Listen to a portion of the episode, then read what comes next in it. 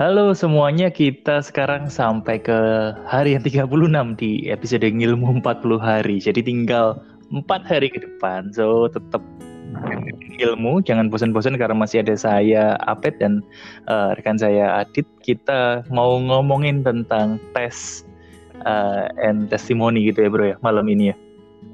Uh, -hmm. Ada uh, request ya bro ya. Oke. Okay. Topiknya request ini. Ya, ada yang request topik tentang tes and testimoni karena eh, nggak uh, tahu saya juga nggak nggak mau tanya kenapa kok requestnya seperti itu tapi ya ya coba kita bahas sih sebetulnya tes yang kemudian jadi testimoni itu kayak gimana kan sering kali yeah. kita selama hidup atau mungkin ya teman-teman yang di dalam marketplace entah itu karir entah itu kerja secara profesional atau usaha kan pasti punya banyak ujian Nah, kapan hmm. itu jadi sebuah testimoni atau apa yang bisa membuat itu jadi testimoni? Pasti masing-masing kita punya cerita sendiri. Mungkin Bro Adit mau mengawali dari apa sih sebetulnya ujian itu? Atau ini gimana hmm. bedainnya antara ujian dengan cobaan ketika kita dalam market hmm. bisa bedain nggak sih sebetulnya? Mungkin ini ya uh, pada intinya uh, ujian dari Tuhan itu bukan uh, artinya kayak Tuhan lagi kurang kerjaan. Ya. Atau emang gak suka aja sama kita dikasih susah itu enggak ya. Uh, tapi adalah sebuah uh, apa namanya proses gitu ya mm-hmm. untuk mendewasakan kita untuk kita bikin kita naik level kayak gitu. Kalau kita ngadapin problem yang sama aja uh, kita kan nggak akan naik kelas. Tapi kalau kita mm-hmm menghadapi problem itu dari waktu ke waktu itu semakin kompleks, semakin berat, semakin berisiko, semakin menantang, uh, pastinya kita juga akan kapasitas kita juga akan diperbesar gitu. Dan hidup ini sih sebenarnya kalau menurut saya sepanjang hari, sepanjang waktu itu ya memang uh, rangkaian dari tes-tes tersebut gitu. Uh, karena saya percaya kan kan kita sudah ditebus nih gitu ya kita sudah hmm. ditebus pasti kita sudah uh, sudah kita udah diselamatkan masuk ke dalam kekekalan tapi uh, saya yakin itu uh, kalau kita bisa masuk ke dalam uh, kekekalan itu bukan karena karena kita apa ya uh, usaha kita kan gitu toh. Uh, tapi karena kita udah ditebus tapi kenapa kalau kita masih harus mendewasakan diri gitu? Sebenarnya lebih kepada saya percaya nanti di kalian itu bukan bukan uh, orang orang yang tadinya punya uh, apa ya ketidakdewasaan rohani misalnya atau sikap-sikap yang tidak berkenan gitu uh, misalnya seperti ada iri hati seperti ada uh, apa namanya uh, mungkin rendah diri dan lain sebagainya terus begitu kita masuk ke dalam kekalahan terus hilang kayak gitu sih. Tapi uh, karena kita sudah terlatih di sini uh, makanya di sana memang tidak ada lagi hal-hal yang negatif gitu. Itu menurut oh, saya.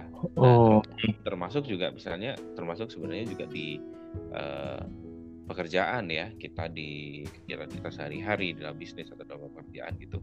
Ya kita selalu minta kita uh, punya kapasitas yang lebih besar dipercaya perkara yang lebih besar proyek-proyek yang lebih besar misalnya kayak gitu. Uh, cuman apa supaya kita itu udah rumus dunia ya kita sekolah pun juga gitu. Uh, kita itu harus melewati satu uh, fase dulu, lalu ada ujiannya, hmm. setelah itu kita dinyatakan lulus atau tidak lulus. Ketika itu lulus, kita bisa uh, move on ke next levelnya. Kalau nggak lulus, ya prosesnya itu bisa jadi diulang. Oke, okay, nah. Saya pribadi sih itu. sebenarnya mikir kayak gitu. Kalau hmm. kita masih berkutat di stage yang sama, jangan-jangan kita ini belum lulus. Oke. Okay. Tapi kan itu kayak sekolah gitu kan ada pengumumannya dulu terus ada kita boleh apa namanya kalau kita mau menghadapi UAS itu kan UAS kan sebelumnya ada UTS yeah. ada tryout dan lain sebagainya itu kan kita iya. masih masih bisa siap-siap lah istilahnya tapi kalau udah lepas dari sekolah kita kerja secara profesional atau mungkin ada teman-teman yang punya bisnis sendiri kayak Bro Adit ini kan running iya. bisnis itu kan kapan ujiannya datang itu kan nggak pernah hmm. dikasih tahu bro. Terus apa yang harus disiapin? Tuh ya setiap hari ya kita kan mempersiapkan diri ya. Uh, expect the unexpected gitu. Hmm. Ya, oh, oke okay. ya ya apa namanya mungkin kita pernah dengar seperti itu hmm. atau uh, apa namanya bekerja sebaik mungkin seperti nggak ada hari esok misalnya kayak gitu. Itu ya benar menurut saya salah satu bagian dari kita mempersiapkan diri hmm. ya uh, tapi gini ya perlu di perlu di, di garis bawahi adalah uh, puji Tuhannya Tuhan itu memberikan sebuah ujian atau tes tapi dia nggak membiarkan kita mengerjakannya sendiri ya puji Tuhannya gitu oke okay. gitu iya iya ini bro hmm. kaitannya sama dengan testimoni gitu pernah nggak sih bro Abed ya baca buku biografi orang yang uh, mungkin sukses terkenal membawa perubahan punya pengaruh gitu terus ditulis di situ kayak iya saya lahir di keluarga kaya raya, baik-baik aja, berpendidikan, orang tua saya baik-baik aja, mengajar saya dengan baik. Lalu saya mendaftar ke sekolah yang terbaik, lolos. Saya mencoba bisnis pertama kali langsung sukses, tidak pernah ada masalah. Udah gitu kan? Gak mungkin ada. Ya? Ada.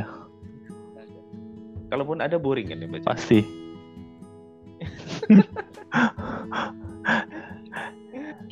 Betul. Jadi uh, pasti the hardest the test, gitu. huh? the greater the testimony.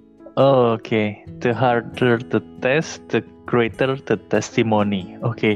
semakin yeah. tinggi ujiannya, justru nanti kemuliaannya itu akan lebih besar ya di testimoni itu. Oke. Okay. Oh, betul. padahal kita ini sering kali justru kalau menghadapi masalah yang berat ini malah kayak ini kapan berlalunya? Karena Ya, itu tadi yang saya tanya ini benar ujian dari Tuhan atau kayak Ayub itu Ayub itu juga diuji nggak sih atau itu dicobai sama Tuhan kan bukan Tuhan yang mencobai ya oh. Tuhan Tuhan mengizinkan iblis untuk mencobai ya makanya kita sendiri kalau berdoa Bapak kami itu kan jangan masukkan kami dalam pencobaan tapi pencobaan yang dimaksud itu bukan ujian sebenarnya hmm. don't us fall into temptation. Sebenarnya kan bahasa Inggrisnya gitu. Oh, oke. Oke. Okay. Kan gitu ya. Mm-hmm. Jadi kayak misal Tuhan Yesus uh, di waktu puasa 40 hari gitu. Terus diiming-imingi macam ya. Ya puji Tuhan ya, ya Tuhan ya Tuhan Yesus ya pasti lolos ya. Tapi kalau misalnya kita-kita ini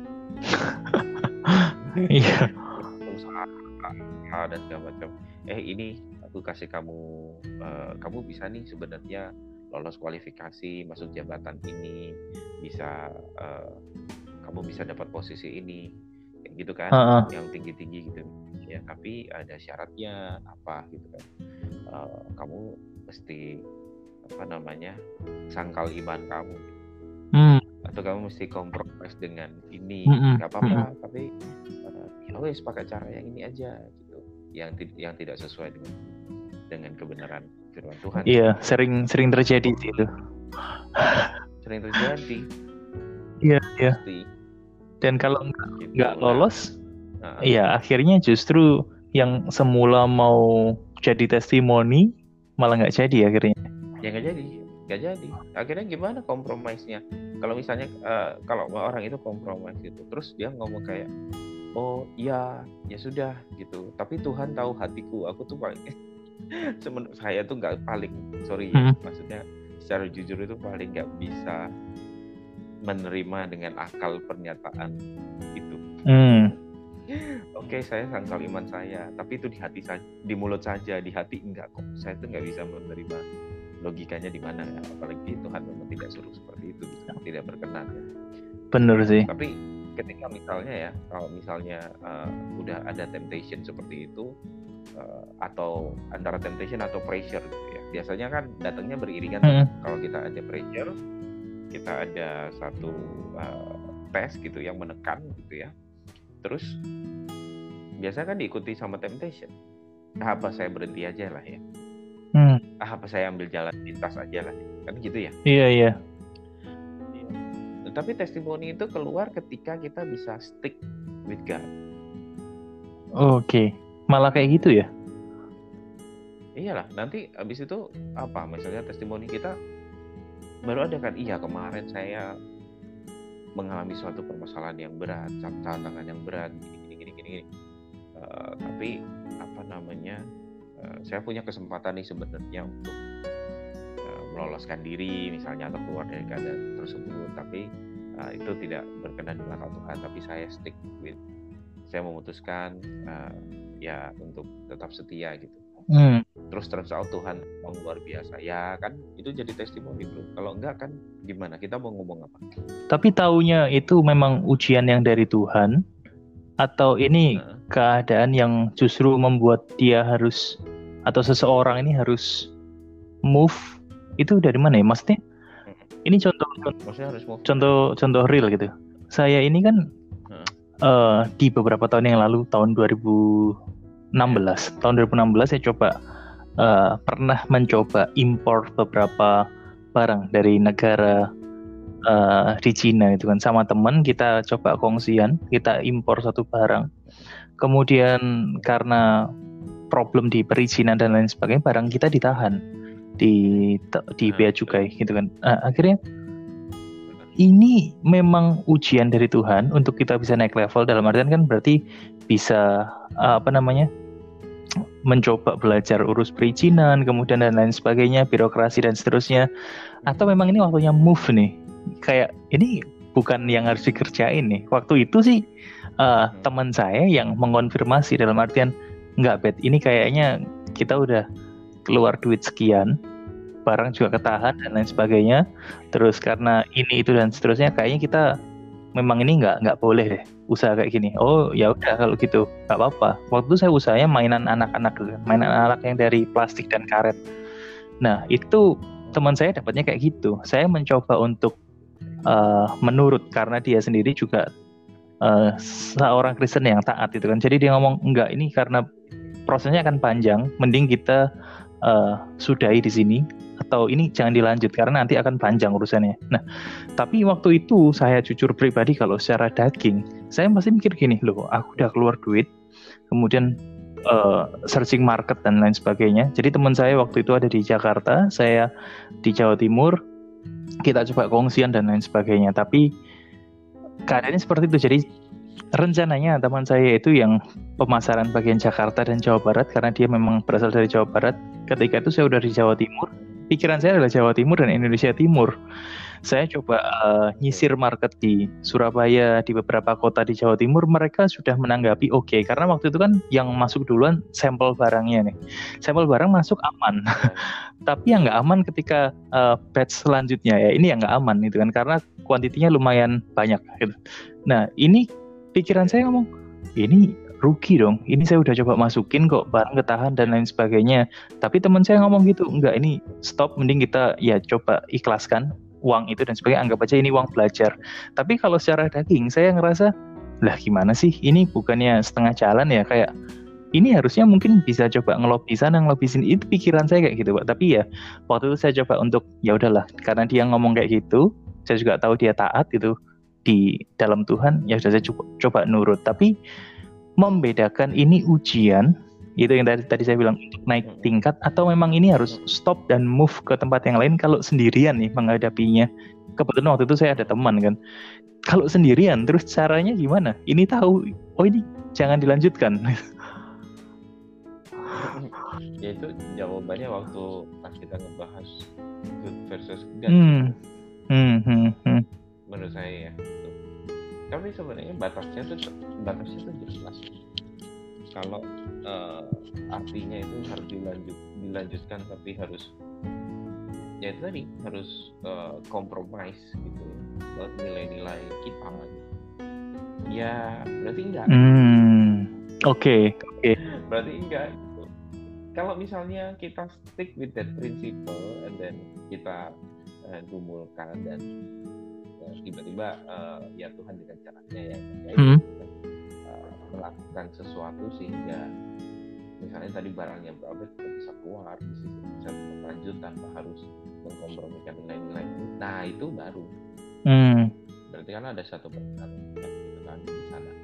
Ya uh, ya menurut saya dari saya sih jelas antara itu.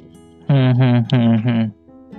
iya iya iya. Tapi memang ya kalau ngomong good versus cat ya ya iya juga sih waktu itu mungkin bisa dibilang sampai sekarang pun saya masih belajar tentang kepekaan terhadap suaranya Tuhan kalau meleset di situ akhirnya tes itu juga semakin lama berarti ya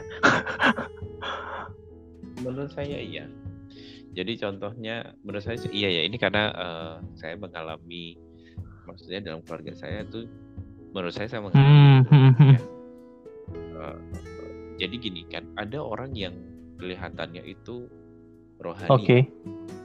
kelihatannya cinta Tuhan rajin berdoa gitu ya. Rajin berdoa pelayanan uh, percaya mujizat hmm. dan sebagainya. Cuman uh, dia sibuk dengan itu semua. Ketika Tuhan suruh selah suruh mikir nggak mikir. Hmm. contohnya gitu. Um, uh, kayak kayak saya mungkin beberapa kali sempat sharing di sini gitu. Uh, contohnya waktu pas uh, orang tua saya punya usaha hmm. uh, ya mereka tidak mau mencoba untuk apa ya manage dengan lebih profesional dengan lebih hmm, gitu ya. uh, melakukan studi yang lebih lanjut kompetitif dan lain sebagainya terus stick dengan dengan apa yang mereka percaya dengan apa yang mereka yakini uh, dan akhirnya uh, fail gitu. Dan ketika kepepet kepepet gitu selalu mengandalkan oh, nanti pemeliharaan Tuhan itu ajaib. Pasti Tuhan tolong pasti Tuhan tolong pasti Tuhan tolong. Betul pasti Tuhan itu tolong kita nggak mungkin ada kalau Tuhan itu nggak nolong cuman caranya nolong itu lo kan bisa beda iya betul sih setuju caranya nolong pasti berbeda ha. Kan? ada yang harus ada yang Tuhan tolong dengan apa uh, turunkan api membakar hangus Nabi mm -hmm. Baal itu apa juga tolongnya tuh harus setia nungguin minyak netes netes satu satu ah ya ya ya oke. Caranya kan beda beda ada yang tiba-tiba telepon gitu dapat orderan besar -huh. gitu. ada yang ya ada yang Tuhan tolong itu sudah pertemukan kita dengan satu orang kapan lalu gitu ya. Uh, terus kita digerakkan untuk coba telepon dan segala macam. Terus ternyata ada pintu yang mm-hmm. kan bisa aja gitu maksud saya uh, Tuhan itu selalu melakukan mujizat dan selalu melakukan pertolongan. Dalam hal sekecil apa pun ya berarti ya. Sekecil apa pun gitu. Cuman kita itu kadang yang speak dengan dengan maunya kita dengan caranya kita. Nah di situ kan kita bisa lihat kayak oh kelihatannya kelihatannya itu apa mm-hmm. ya religius ya gitu. Mengandalkan apa namanya percaya pada mujizat Tuhan. Tapi ternyata kita pengennya caranya kita mujizatnya Tuhan itu caranya hmm. kita. itu yang yang nggak gampang sih. Memang betul kalau apa namanya dulu kita sekolah mungkin ya kalau ngomong tes atau ujian sekolah kan juga kita berharapnya ada kisi-kisi lah sebetulnya. Kan sebelum kita ujian kan gitu kan Pak ada kisi-kisi nggak? Yang bakalan keluar apa? Ya sebetulnya mungkin mungkin kayak gitu kali ya. Kita berharap selalu ada, ada kisi-kisi lah gitu selama ujian dalam kehidupan kita entah itu di pekerjaan profesional atau usaha gitu kan mungkin kita butuh itu kalau ternyata nggak ada ya mungkin harapannya ya mujizat kayak tahu-tahu si Pak Guru ngomong gini, oke okay, kalian mau jawab salah, mau jawab benar, nggak apa-apa, jangan pusing, semuanya saya kasih nilainya bonus gitu. Harapannya mungkin mungkin gitu kali ya. Iya, kita semua pasti berharapnya demikian mm -hmm. Gitu ya. Ada dulu tuh saya gitu juga tuh kalau sekolah kalau ada ulangan atau ada PR nggak bikin gitu ya. Itu berharapnya saya berdoanya mujizat oh Tuhan tolong uh, supaya guru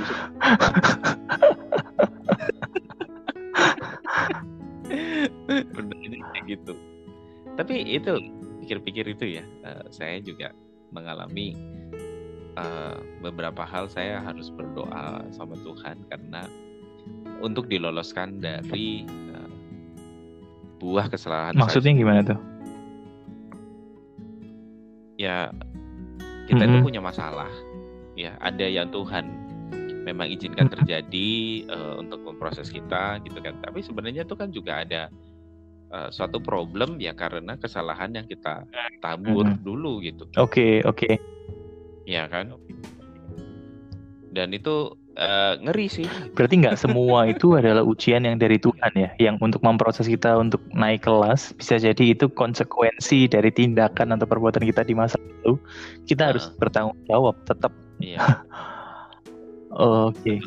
Betul.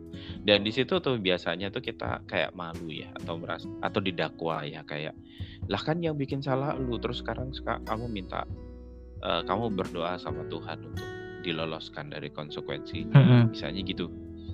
Uh, apa namanya? Padahal yang buat kan kamu salah tuh kan kamu. Udah nih saatnya apa segala macam. Nggak pantas kamu berdoa. Orang kamu yang berdosa. Mm-hmm. kayak gitu gitu loh itu kan ada ada ini ya. Menurut saya itu juga juga sebuah tes. Oh. Oke. Okay. iya kan? Karena kan kita nggak mungkin nggak pernah buat kesalahan kita kan nggak mungkin nggak pernah mm -hmm. berdosa gitu kan? Iya. Nah itu. Pasti semua orang pernah melakukan kesalahan di masa lalu. Saya sendiri pun kalau ini nggak tahu kenapa ada yang requestnya tentang tes and testimony ya mungkin ya itu salah satu hal yang mungkin kelihatannya nggak ada salahnya gitu ya tentang tentang yang tadi saya cerita. Kita coba impor uh, mainan dari Cina dan lain sebagainya. Tapi ada satu kisah atau background di balik itu sih sebetulnya. Ya memang itu sendiri pun juga uh, apa ya konsekuensi yang harus saya tanggung sebetulnya dari tindakan yang kurang tepat. Jadi untungnya untungnya saya punya teman yang dalam tanda kutip taat dalam Tuhan juga sehingga dia bisa, bisa ngomong stop ini jangan dilanjut. Jadi memang ada satu fase satu masa saya mencoba untuk melakukan banyak hal dalam hal finansial waktu itu karena pikiran saya masih ya terikat dengan ya saya nggak ngomong cinta uang itu benar itu pasti salah. Cinta akan uang itu yang akar dari kejahatan. Ya memang iya. Akhirnya saya mencoba banyak hal dan lain sebagainya. Tapi untungnya teman saya yang mengingatkan kalau enggak mungkin saya bisa terjerumus lebih dalam. Uang saya waktu itu keluarnya bisa lebih banyak dan lain sebagainya. Tapi itu sebetulnya uh, satu hal yang terjadi karena tindakan saya yang sebelumnya. Saya mencoba menutupi uh, apa namanya loss money di tempat yang lain dengan coba usaha ini usaha itu dan lain sebagainya. Padahal ya akhirnya ya nggak jalan juga. Malah saya semakin dalam semakin dalam. Jadi sebelumnya saya juga pernah impor beberapa barang juga dari Cina. Bisa masuk, bisa lolos, masuk ke Indonesia. Distribusinya yang saya ngaco. Karena waktu itu saya nggak tes market dulu dan lain sebagainya. Jadi barang itu sekarang masih ada di rumah papa saya. Masih masih beberapa tumpuk.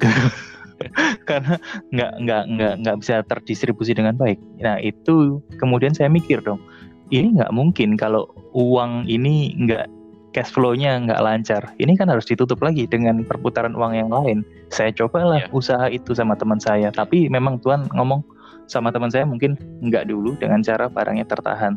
Ya, ya itu juga proses belajar saya sih akhirnya itu satu ujian saya juga untuk oh ternyata karena saya kan bukan orang dengan background atau latar belakang sekolah pemasaran atau teman-teman mungkin yang dulunya kuliah bisnis pasti tahu ya itu kan kamu harus tahu dulu memang kalau mau buka bisnis atau usaha baru harus tes market pasar terus ada nggak permintaan itu saya nggak yeah. pernah sekolah seperti itu. So semuanya otodidak. Tapi setelah itu akhirnya saya tahu oh saya yeah. punya kesalahan ini ini ini. Pengelolaan keuangan saya salah kemudian saya nggak pernah tes market saya cuma berdasarkan asumsi dan lain sebagainya. Akhirnya pun ya saya belajar sih akhirnya memang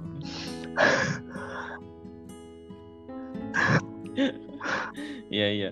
Tapi dari situ kan malah jadi satu pelajaran uh. sendiri, uh, satu momen yang di mana kita kayak apa ya, uh, malah mungkin Bro Abed mengalami banyak hmm, pertolongan hmm, betul, juga, betul. dan akhirnya itu jadi sebuah kesaksian. Mm, setuju sih, waktu itu memang malah mengalami nah. banyak pertolongan, setuju. sebenarnya kadang-kadang tuh apa ya uh, saya tuh suka suka apa ya maksudnya jujur itu suka gregetan ketika orang merasa bahwa ikut Tuhan, oh aku disuruh uh -huh. ikut Tuhan Yesus gitu. Uh, mungkin dia, dia bukan Kristen atau gimana atau uh, Kristen KTP tapi terus baru benar-benar memutuskan untuk hmm. Tuhan Yesus gitu. Itu dengan berharap kayak uh, setelah terima Tuhan hidupnya hmm. mudah. Gitu. Ya, saya saya dengar banyak kesaksian juga hmm. seperti itu gitu. Uh, keluarga saya pun juga mengalami tahun 2006 kita kita memutuskan untuk benar-benar uh, mm-hmm. bertobat gitu ya dan terima Tuhan dari keluarga yang saya bang bangkruti uh, sedikit demi sedikit itu dipulihkan okay. Tuhan dengan luar biasa itu juga kami mengalami nah cuman uh, yang menjadi salah adalah ketika ketika kita berpikir masuk di masuk ke dalam apa namanya uh, kerajaan Allah gitu terus kita dapat privilege hmm. macam-macam ya terus berharap kita itu imun dari yang namanya cobaan, imun dari yang namanya tes, imun dari masalah, uh, dari problem yang yeah. juga. Ya enggak gitu. Malah Tuhan itu sukanya aneh-aneh. Contohnya gini, mm-hmm. aneh-aneh menurut kita ya. Contohnya gini sih, sederhana aja cerita sederhana. Saya itu uh, dulu ya kalau nyetir di jalan itu okay. emosian banget bro, beneran Ya. Oh, iya iya. Kapan hari kan nyetir sama Bro Abed juga menyaksikan gitu ya. saya refleks saya dasarnya itu seperti itu. Kesel banget kalau misalnya lihat orang eh, nggak uh, tertib hmm. di jalan gitu ya. Uh, sampai saya satu titik saya itu menyadari bahwa aduh saya ini terganggu marah-marah atau emosi terus di jalan itu nggak penting ya saya ngerasa ini nggak sehat buat saya terus istri saya juga sudah mulai terganggu hmm. juga gitu kan saya berdoa sama Tuhan gitu. Tuhan aku tuh nggak mau marah-marah lagi hmm. sepanjang hari uh, masa baru keluar rumah aku udah marah-marah gitu uh, terus saya tuh berdoa Tuhan ajar saya supaya nggak hmm. mudah okay. marah and you know what bro yang terjadi Apa? besokannya? Uh, ada mobil tetangga yang parkir persis di depan mobil saya sampai saya harus keluar di rem gitu ya. Dan orangnya nggak tahu ke mana. Langsung instan ya. Tuhan tuh ngasih pelajarannya langsung instan ya. Luar biasa. Jadi saya pikir kayak aduh Tuhan ini gini ya caranya kerja ya. Terus waktu itu saya kayak loh Tuhan ya apa sih aku tuh sudah minta aku tuh gak pengen marah-marah kamu malah pagi-pagi dikasih gini nah saya yang yang menyadari waktu itu gini ada impresi dalam hati saya tuh uh, seperti ini ya iya kamu kan minta nggak mau marah-marah ya kan Buk, bukan kam, bukan kemampuan kamu untuk marah yang aku ambil. Oke, okay. oke. Okay. Tapi pengendalian diri, kompetensi hmm. pengen kalau ini yang ngomong kompetensi kompetensi pengendalian dirimu yang aku tambah. Hmm. Caranya tuh seperti apa? Ya dikasih problem sampai kita terbiasa sampai kita tuh selalu ingat oh iya aku nggak boleh marah oh oke okay, oke okay. gitu. nah ini kayak ilustrasi saya yang pertama itu kenapa mungkin dipikir ya kenapa nanti di surga itu tidak ada amarah gitu ya karena kita bukan karena di sana terus sulapan kita yang jadinya pemarah masuk surga terus jadi nggak bisa marah. Enggak. Ya karena -hmm. menurut saya ya ini ya. Ya karena Tuhan udah persiapkan kita sedemikian rupa di sini jadi saya jadi waktu pas kita masuk surga kita nggak perlu marah lagi. Emang nggak ada yang yeah, perlu yeah, marah yeah. Gitu. iya sih saya saya setuju. Contohnya? Ha, ha, ha, bener sih. Itu itu itu bener yang tadi Brodit bilang tentang itu tes yang instan tes lah menurut saya itu kayak itu kayak kayak hmm. lagi di sekolah gitu ya. Satu orang guru masuk terus oke okay, anak-anak keluarin kertas kosong gitu kan. Sekarang kita ujian. Hmm. Duh, gitu, gitu, gitu. Aduh, waduh nggak belajar nggak ini nggak itu gitu kan. Iya iya. Itu bukan bukan mengu bukan menguji tentang apa yang mereka tahu sebetulnya tapi juga menguji seberapa kesiapannya mereka sih. Iya iya. Betul, betul. nah itu kalau berapa ditanya ya sekolah kan kita tahu ya hidup itu kan kayak gitu ujian dadakan. Kita nggak akan berhenti jadi setiap waktu kita harus hmm. berjaga-jaga gitu. Makanya kita uh, saya setuju ya kayak misalnya ungkapan jangan kasih kendor. Ya benar jangan Oke oke menarik. Iya iya iya. Oke ini nggak kerasa loh udah setengah jam kita ngobrol. Kayak saya saya saya, saya dapat satu iya. aha sih sebetulnya satu aha itu ya yaitu yang tadi Brodit ngomong tentang ujian tuh selalu dadakan itu. So kita harus selalu siap. Jangan sampai kita ngomong Tuhan saya nggak pengen marah-marah lagi terus langsung dikasih ujian. Ada mobil di depan menghalangi mobil kita terus di handrem. Itu luar biasa sih kalau buat saya. Itu mungkin saya juga waktu itu bisa marah sih. Mungkin loh ya saya nggak ngomong saya orang sabar saya bisa marah pasti. Karena ya itu menghalangi apa yang mau saya lakukan saya mau keluar dan lain sebagainya. Terus uh, saya nggak tahu saya dapat satu impresi tentang apa yang besok mungkin kita omongin ketika berarti ngomong tentang kompetensi atau kemampuan marahnya itu yang bukan kemampuan atau kompetensi marah itu yang diambil tapi melainkan ya ditambahkan kemampuan-kemampuan kesabaran itu. Mungkin kita ini sering kali ya bukan saya bilang terjebak. Saya sendiri kan uh, pernah dengar nih waktu Bradit ngomong orang Indonesia itu lebih suka melihat kompetensi dibandingkan dengan potensi berarti kan sering kali kita menilai orang-orang itu kan cuma dari kompetensinya tapi mengesampingkan potensinya. Enggak tahu apakah uh, kita bisa ngomongin itu itu besok tentang potensi dan kompetensi sebetulnya itu kayak gimana sih itu potensi-potensi manusia itu kan pasti banyak sekali. Bedanya potensi sama talent itu apa? Mungkin kita bisa ngobrolin itu ya di hari yang ke-37 itu sih. Brody tadi mau ditambahkan untuk closing episode kita kali ini